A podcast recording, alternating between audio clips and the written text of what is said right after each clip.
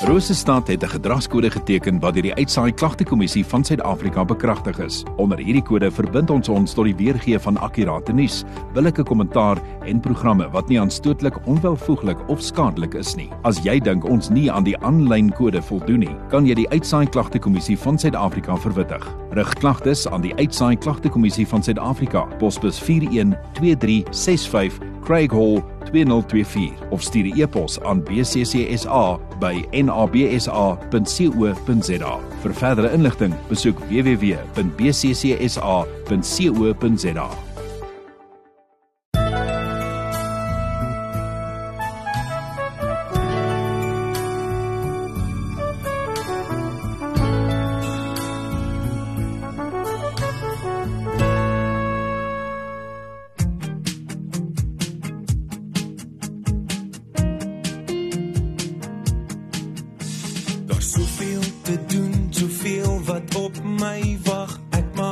reg, ek werk nou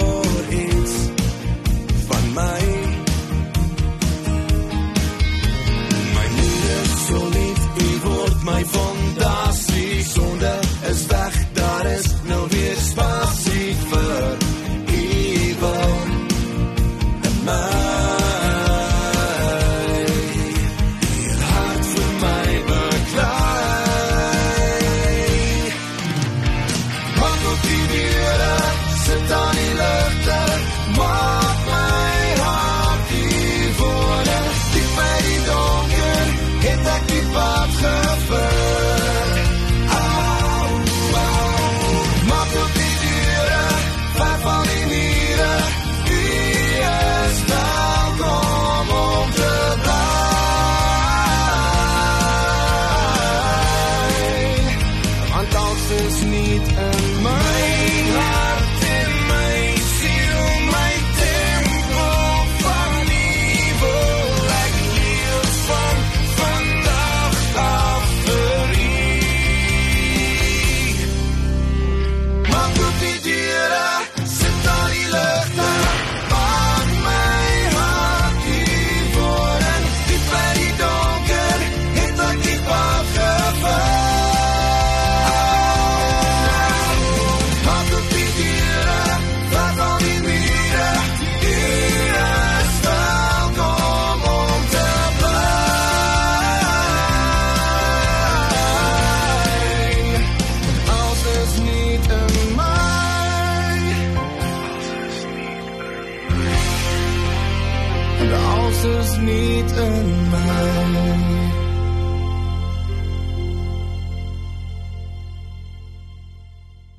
Kom ons bid saam. Here, ons stel ons vertroue in U. Ons vertrou op U, ons wag op die vervulling van U woord. Ons wag op U, Here, meer as wat wagters op die môre wag. Wagters op die môre. So wag ons in hierdie môre op U, Here, totdat U ons genadig is. Ons bid dit in Jesus se naam. Amen. Micha 6 is 'n besondere gedeelte in die Bybel wat vir ons sê wat ons moet doen en hoe ons voor God moet lewe.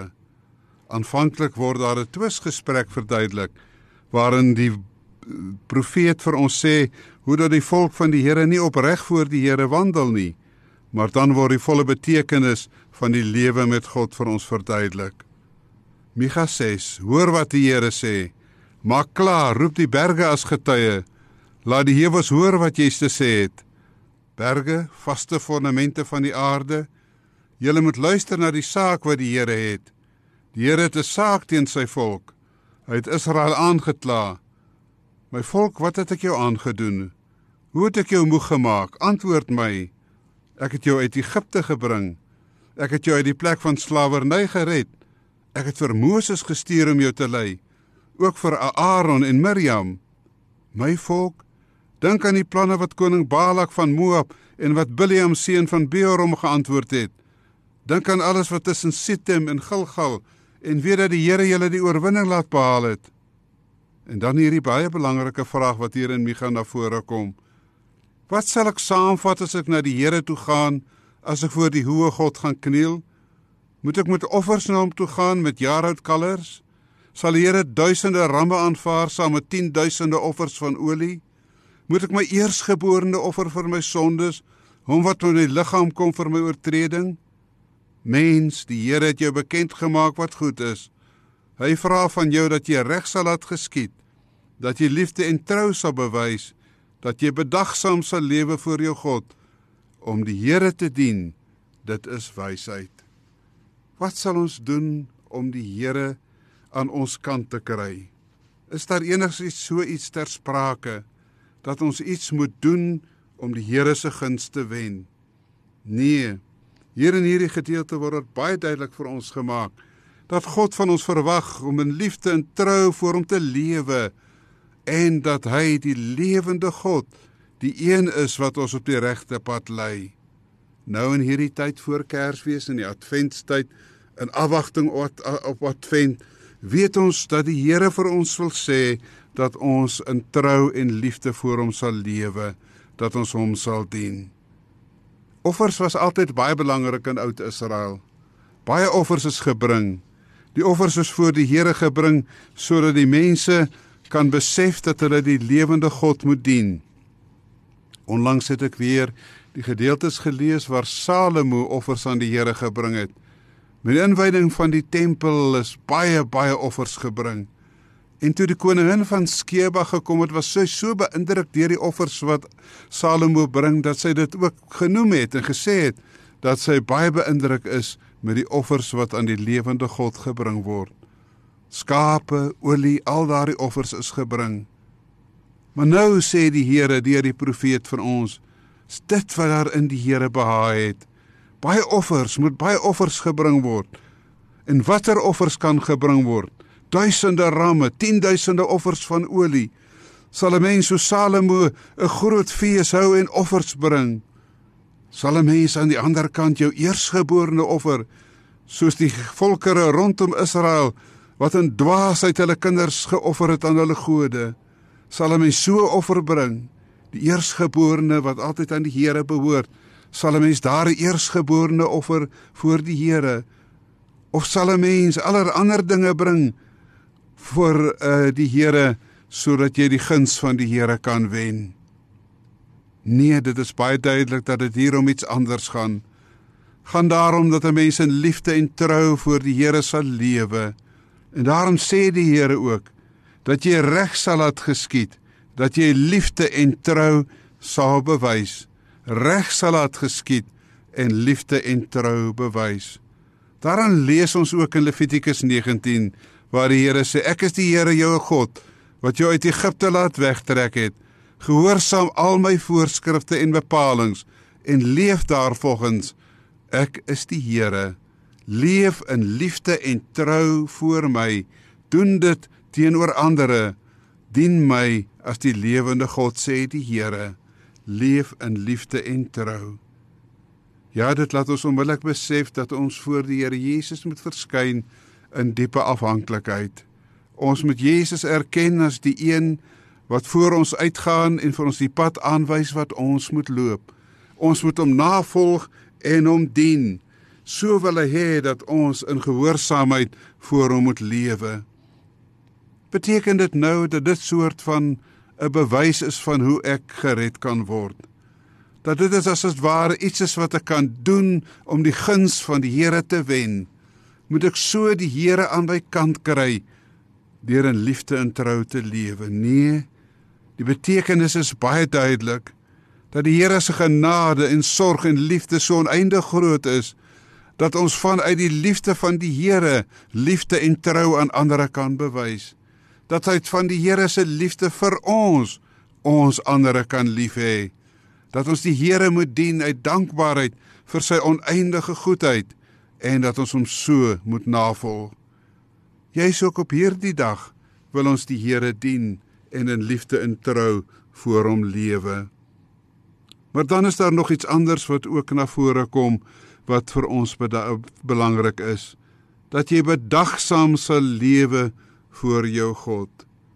Wat beteken dit om bedagsaam te lewe voor God? Wat sal ons op hierdie dag doen as ons bedagsaam voor die Here lewe?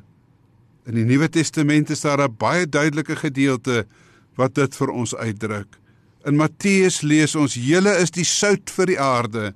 Maar as sout verslaan het, hoe kry 'n mens dit weer sout? Dis niks meer werd nie. Dit word buitekant weggegooi en die mense vertrap dit. Julle is die lig vir die wêreld. Stad wat op 'n berg lê, kan nie weggesteek word nie. Ook steek mens nie 'n lamp op en sit dit onder 'n emmer nie, maar op 'n lampstaander en dit gee lig vir almal in die huis. Laat julle lig so voor die mense skyn dat hulle julle goeie werke kan sien en julle Vader wat in die hemel is verheerlik. Om 'n dag saam voor die Here te lewe beteken dat ons in afhanklikheid voor God ons lig sal laat skyn en sout vir die wêreld sal wees. Sout wat bederf weer teewerk en sout wat 'n goeie smaak vir die wêreld gee. Dat ons so in afhanklikheid bedagsaam voor God sal lewe en hom sal dien. Maar daarmee saam hang dit ook om wysheid te erken, om die Here te dien. Dit is wysheid. Lees in Spreuke: Vertrou volkome op die Here en moenie op jou eie insig staat maak nie. Ken hom in alles wat jy doen en hy sal jou die regte pad laat loop. Moenie dink jy die wysheid inpag nie. Dien die Here en vermy wat sleg is. Dit is die geneesmiddel vir jou die verkwikking vir jou liggaam. Wat beteken dit om wysheid te betoon? Om die Here te dien, dit is wysheid. Ag, geagte vriend, laat ons die Here tog dien. Laat ons die Here eerste stel in ons lewe. Vertrou volkome op die Here en nie op mense nie. Moenie op prinses vertrou nie, maar op die lewende God. Dit is wysheid. Dit is ware erkenning van God. Daarom word dit so uitdruklik hier saamgevat. Mens, die Here het jou bekend gemaak wat goed is. Hy vra dat jy reg sal laat geskied, dat jy liefde en trou sal bewys, dat jy bedagsaam sal lewe vir jou God om die Here te dien. Dit is wysheid. Sal ons nie ook in hierdie tyd in afwagting op die koms van die Here Jesus so in gehoorsaamheid voor hom lewe nie? nie om guns te wen nie, maar om die Here te dien omdat hy ons liefhet en eerste vir ons gered het. Kom ons bid saam. Ons Vader wat in die hemel is, in Jesus Christus ons Here deur die Heilige Gees, wil ons U dank en loof en prys. Ons dankie vir die koms van Advent, die tyd voor Kersfees en dat ons U sal dien in gehoorsaamheid en in vreugde omdat U die lewende God is. Help ons om so vir U te lewe in Jesus se naam. Amen. Laat die boodskap gaan. Die hele baie wêreld in. Jesus het opgestaan. En hy het die dood oorwin. O, oh, En daar sal hy nou waar tot die dag dat hy weer terugkom. Jou en my te haal. boodskap gaan die hele baie wêreld in Jesus het opgestaan en hy het die dood oorwin o oh, en opgevaar na God toe en daar sal hy nou waar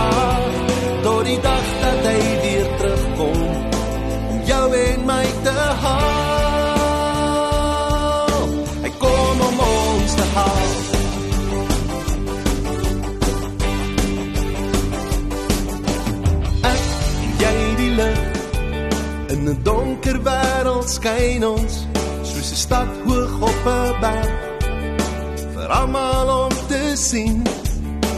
Kyk die nag voor dag as ons almal sy getuies is, soos Jesus ons getuie is voor God. Laat die boodskap gaan die hele wye wêreld in. Jesus het opgestaan het die dood oorwin. Oh, en opgevaar na God toe en daar sal hy nou wag tot die dag dat hy weer terugkom om jou en my te haal. Hy kom om ons te haal.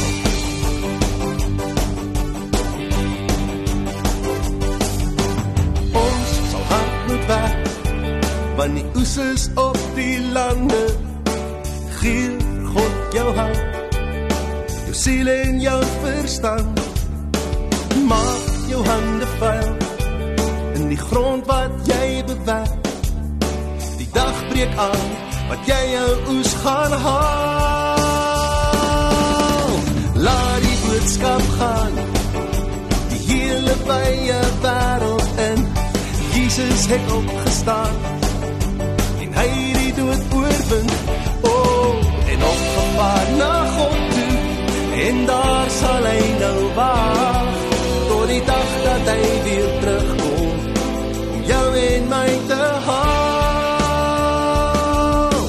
Laat die boodskap gaan die hele wye wêreld in. Jesus het opgestaan en hy het die dood oorwin. O, oh, en opgevaar na God toe en daar sal hy nou